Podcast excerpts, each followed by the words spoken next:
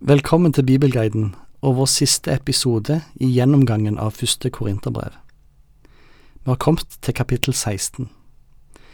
Dette kapittelet er en lapskaus av emner, en potpurri.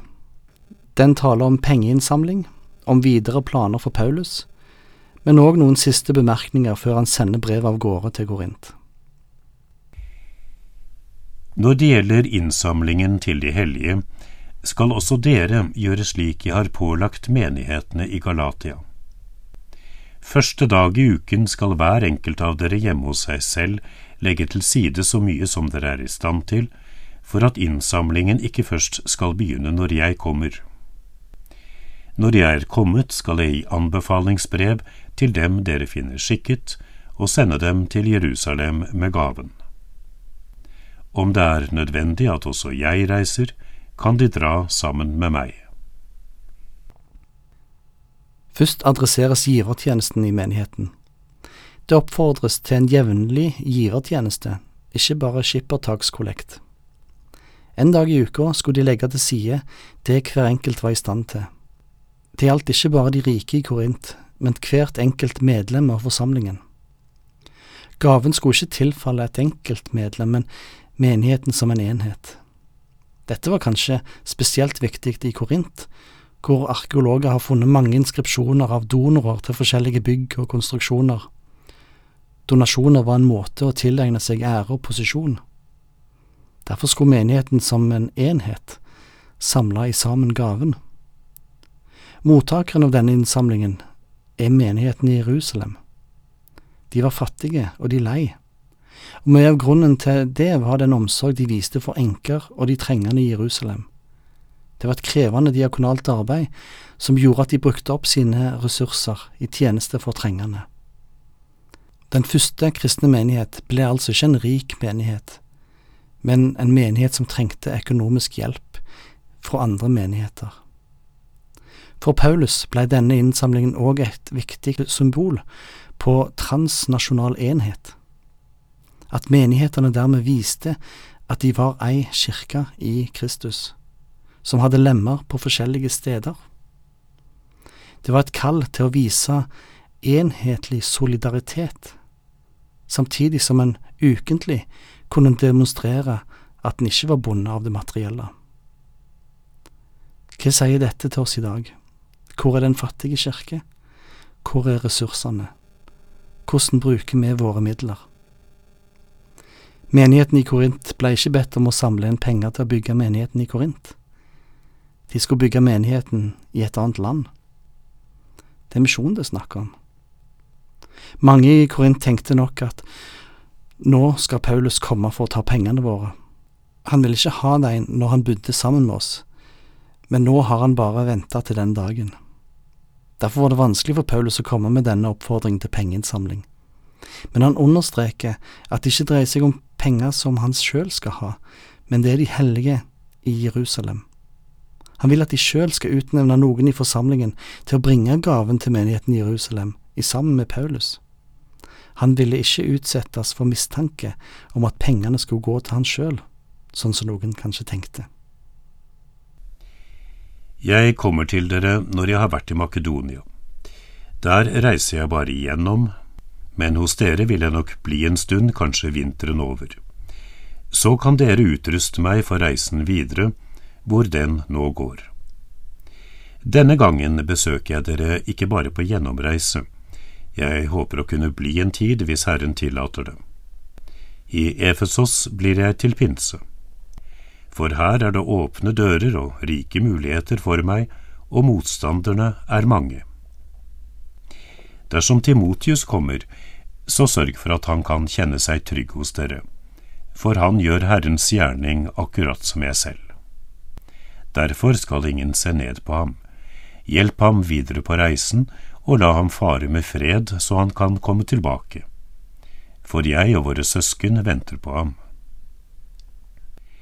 Når det gjelder vår bror Apollos, har jeg bedt ham inntrengende om å reise til dere sammen med brødrene men han er slett ikke villig til å reise nå, han kommer så snart han får anledning.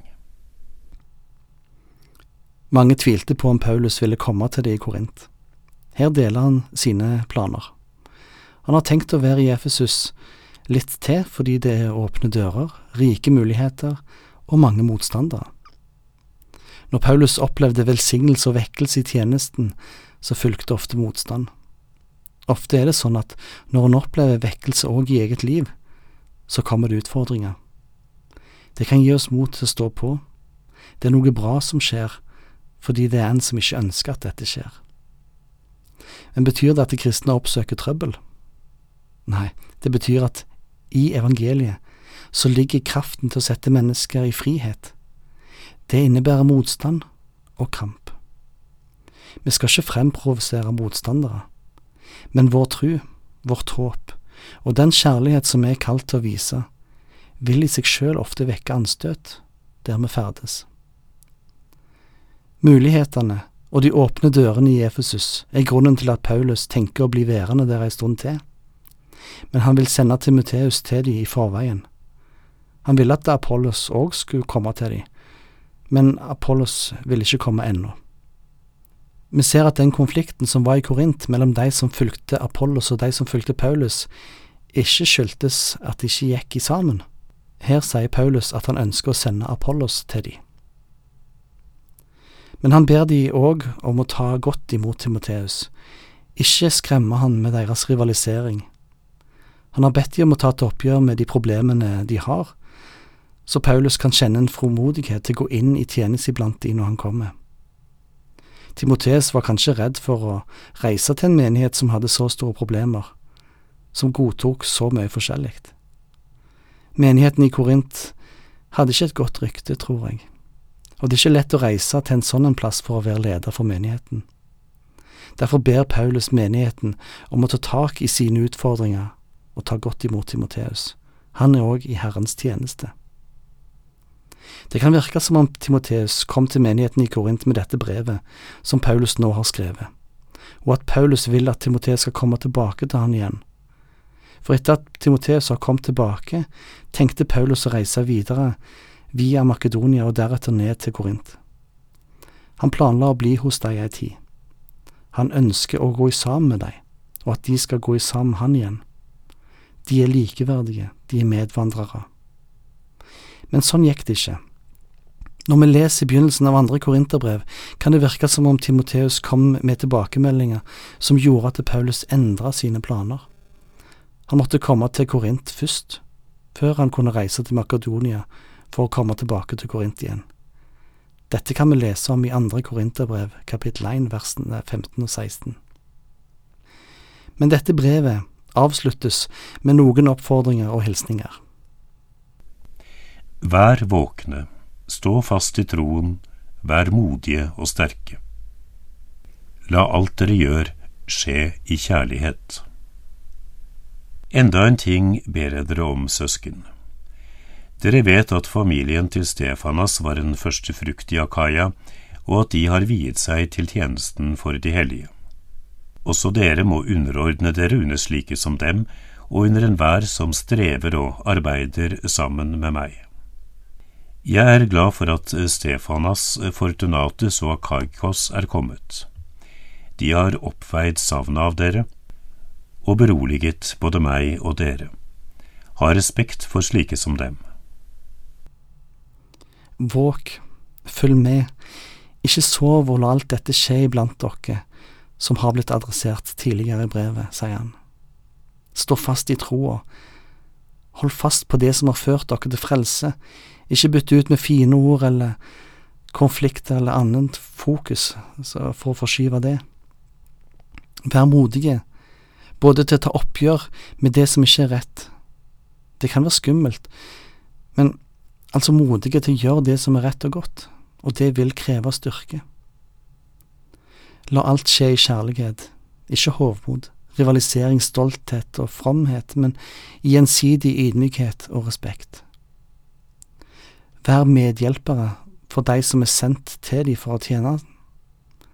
Han ber deg anerkjenne Stefanas og hans hus som menighetens ledelse. Han er glad for å få samfunn med menigheten i Korint, gjennom menighetsmedlemmene som er sammen med han i Efesus, både Stefanas, Fortunatus og Akaikus. Dette er gode Kristi vitner som de må verdsette. Fortunatus og Akaikus var kanskje frigitte slaver. Navnet antyder det. Her har menigheten i Korint sendt en velstående mann, Stefanas, sammen med to tidligere slaver, til Paulus med rapport om hva som skjer i menigheten. Paulus svarer menigheten med at dette er gode menn, alle tre, som menigheten må vise og verdsette. Menighetene i Asia hilser dere. Akvilas og Priska og menigheten som samles i deres hus, hilser dere hjertelig i Herrens navn. Alle våre søsken her sender sin hilsen. Hils hverandre med et hellig kyss. Han hilser fra menigheten, eller menighetene, i Asia og husmenigheten til Akvilas og Priska. Det er en enhet og et åndelig fellesskap mellom troende i Efesus og Korint som kommer til syne, selv om de aldri har truffet hverandre. Men de kjenner til hverandre og står i sammen. Søsknene, altså trossøsknene, hilser de med hellige kyss, nært og broderlig. Det var en familiehilsen, og dette viser at Paulus ønsker at de truende skal hilse hverandre som familie, møtes som familie i hjemmene, oppføre seg som familie, elske og behandle hverandre som familie, som en enhet. Jeg, Paulus, skriver min hilsen med egen hånd. Den som ikke elsker Herren, forbannet være han. Marana ta. Herren Jesu nåde være med dere. Min kjærlighet er med dere alle i Kristus Jesus. Paulus signerer brevet, som kanskje en annen har skrevet mens han har diktert det. Det fører til velsignelse å elske Herren. Om en forkaster Gud, får en ikke del i velsignelsen, men da venter forbannelsen, en evighet borte fra Guds åsyn. Dette er ord som minner om det alvor som ligger i trua og frelsen. Det legges til Maranata, som betyr Herren kommer. Igjen en påminnelse om at dette er ikke noe tull, det er alvor. Jesus kommer snart igjen for å dømme levende og døde, og da vil det avgjørende være om han har sitt navn skrevet opp i livets bok. Han hilser de som søsken, og henviser til den kjærligheten han har for sine søsken i Jesus. Han elsker de alle, disse korinterne, som har påført han så mange bekymringer. Han ber om Guds nåde over de. Må Herren Jesu nåde og Hans kjærlighet være med òg deg, som har blitt med på denne vandringen gjennom det første brevet vi har ifra Paulus til menigheten i Korint, men òg til oss. Amen.